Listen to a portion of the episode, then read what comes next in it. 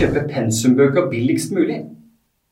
Hei, jeg er Gjerknakken Rune fra gjerknakk.com, og i dag skal jeg komme med noen tips til deg som snart skal gå og kjøpe rådyre lærebøker og annen pensumlitteratur. Du tror kanskje at alle disse bøkene må være nye, og at professor og lærere har inngått en stilltiende sammensvergelse med forlagene mot deg som student. Godt mulig det, men det fins muligheter for deg å spare penger likevel. Kjøp lærebøkene brukt. Professorer, lærere og læresteder setter gjerne opp de absolutt siste utgavene av lærebøkene i sine pensumlister. Mitt råd er å ta det der med en klype salt og undersøke hva endringen fra gammel til ny utgave av boka er for noe. Ofte dreier det seg om mindre endringer fra utgave til utgave, og da går det fint for en oppegående gjerknark å forholde seg til en gammel utgave. Kjøpe brukte lærebøker på internett. Har du funnet ut at du kan klare det med en gammel utgave av en lærebok, eller er bøkene som er lista i pensum, gamle utgaver, bør du ta en kikk på internett for å se om du kan skaffe bøkene brukt. Tjenester som f.eks. e-bok, Bookies eller Ditt pensum er tjenester som er skreddersydd for at studenter skal kunne selge og kjøpe pensum av hverandre. Et annet tips er å ta en titt på lærestedets interne elektroniske oppslagstavle dersom noe slikt fins.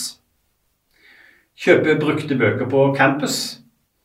Ulempen med å kjøpe brukte bøker på nett er at selgeren potensielt befinner seg et helt annet studiested, og at en derfor må påregne fraktkostnader. Du har heller ikke ved en sånn handel muligheten til å sjekke opp om bøkene er i en sånn stand som selger hevder. Du vil derfor foretrekke å kjøpe brukte bøker av noen på ditt eget campus.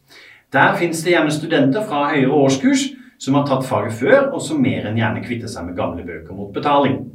Heng opp lapper på oppslagstavler i busskuret i forelesningssalen om at pensumbøker ønskes kjøpt, eller på Facebook for den saks skyld. Husk å få med følgende i boklista di. Eh, Tittel på boka, forfatter av boka, utgave og ISBN-nummer. Selvfølgelig må du også legge igjen et telefonnummer eller en e-postadresse du kan kontaktes på. Pakkepriser gir gjerne billigst pris på pensum. Kjøper du mange brukte bøker, er det som oftest en fordel om du finner en person som har flere av bøkene til salgs. Da kan du gjerne forhandle deg frem til en pakkepris som gjør at bøkene blir billigere enn om du skal ha kjøpt dem hver for seg. Så finner du en person som har flere bøker du ønsker å kjøpe. Ikke vær redd for å ta på deg forhandlingshatten og spør om du ikke kan få bøkene noen hundrelapper billigere siden du kjøper flere på en gang. Pensum er billigst utafor høysesongen. Markedet for nye og brukte pensumbøker er på topp ved semesterstart i august-september og i januar. Dette gjør at prisene for både nye og brukte bøker gjerne er på topp på de samme tidspunktene. Har du litt is i magen, kan du enten ved å vente med å kjøpe pensum, eller være i forkant potensielt spare en god slump penger på bokkjøpet. Særlig på bruktfronten kan du ofte gjøre et kupp når etterspørselen er lav, eksempelvis ved semesterslutt. Sjekk da pensumlistene for fag du vet du skal ha til neste semester, og undersøk om du kan kjøpe nytt eller brukt for en billig penge på dette tidspunktet.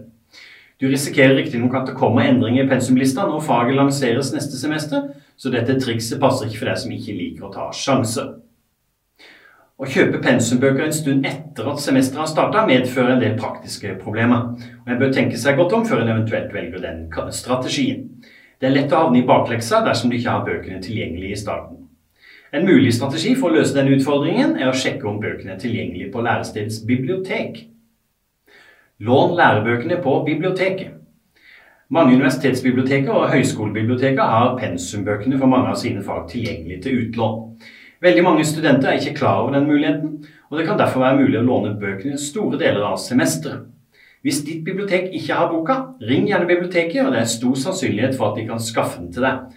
Dette kan også gjelde vanlige bibliotek, hvor konkurransen om pensumbøker vil være lavere. Ulempen her er at hvis det er flere som konkurrerer om samme pensumbok, så kan det bli krøll. Biblioteket opererer ofte med en makstid du kan låne en bok av gangen, og da kan det være kjedelig å være nummer åtte på ventelista etter at din låneperiode har gått ut. Husk endelig på å fornye lånetida på bøkene i tide. Da vil ikke denne metoden koste deg ei krone. Sammenlign priser og kjøp lærebøker på internett der det er billigst. Får du ikke kjøpt bøkene brukt, eller eventuelt lånt dem, er det lurt å ta en titt på nettet. Det er langt ifra sikkert at din lokale bokhandel på lærestedet har de billigste prisene på bøkene du skal ha.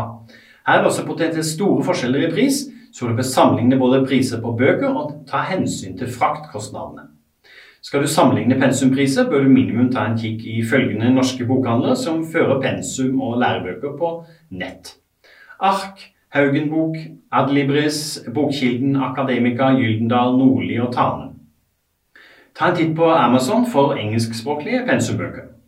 Det siste, siste tipset for å overleve studenttilværelsen i januar og august er å undersøke prisene hos Amazon. Leveringstida der pleier å være på under to uker for bøker de har på lager, selv om de sendes fra utlandet.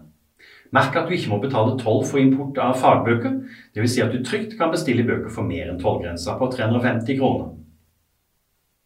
Takk for meg. Dersom du likte dette innlegget, håper du har lyst til å ta en titt på nettsida mi jerriknatt.com, og ellers følg meg på sosiale medier som YouTube, Facebook, Snapchat og Instagram.